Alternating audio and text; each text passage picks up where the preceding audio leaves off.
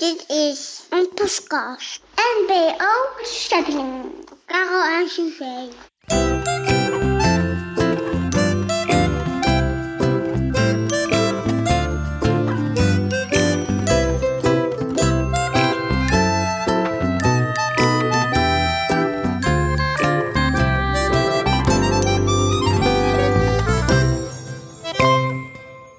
Pluisje keek nog even voor de zekerheid naar beneden, maar Bruno leek hem niet meer te kunnen volgen.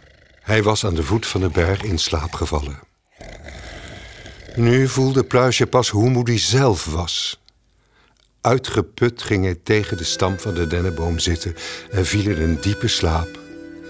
Boven hem scheen de maan. Bolletje had de hele dag en avond voor het huisje zitten uitkijken naar Pluisje. Pas toen het nacht was geworden, stond hij op. Hij zuchtte en liep naar binnen. Pluisje bleef wel heel lang weg. Zou hij verdwaald zijn? Morgen, dacht Polletje, morgen ga ik zoeken. Dan pak ik een paar boterhammen in en ga op pad. Want zonder Pluisje vind ik er niets meer aan.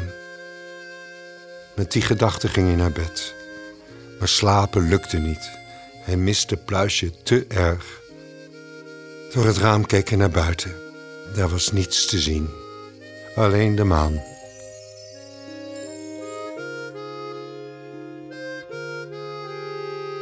Het was nog donker toen Pluisje wakker schrok.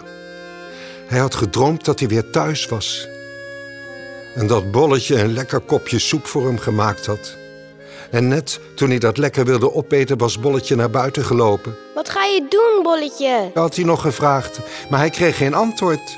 In plaats daarvan zag hij Bolletje langs het raam zweven. Ik ga met de wind mee, Pluis, hoorde hij hem roepen. Pluisje stormde naar buiten en riep... Niet doen, Bolletje. Doe niet zo dom. En toen was hij weer wakker geworden met tranen op zijn gezicht. Ja, hij was dom geweest. Hij had nooit met de wind mee moeten vliegen. Nu zag hij zijn vriendje misschien nooit meer terug. En het was zijn eigen schuld. Nu zat hij helemaal alleen op een kale berg. Pluisje begon te snikken. Hij had zich nog nooit zo alleen gevoeld. Helemaal alleen. Ik mis je leuke grapjes, je liefde warme stem. Beschuitjes in de ochtend met zelfgemaakte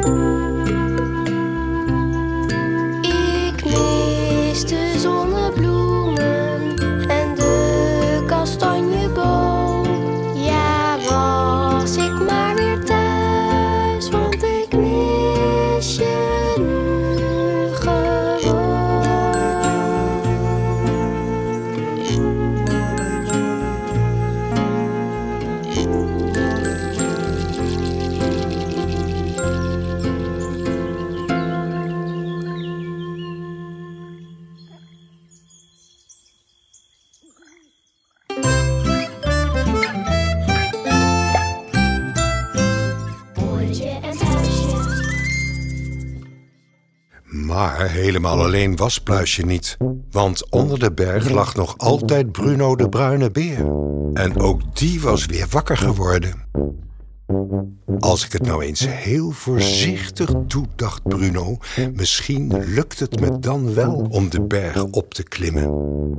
Heel voorzichtig en heel zachtjes, zodat die bessendief me niet hoort.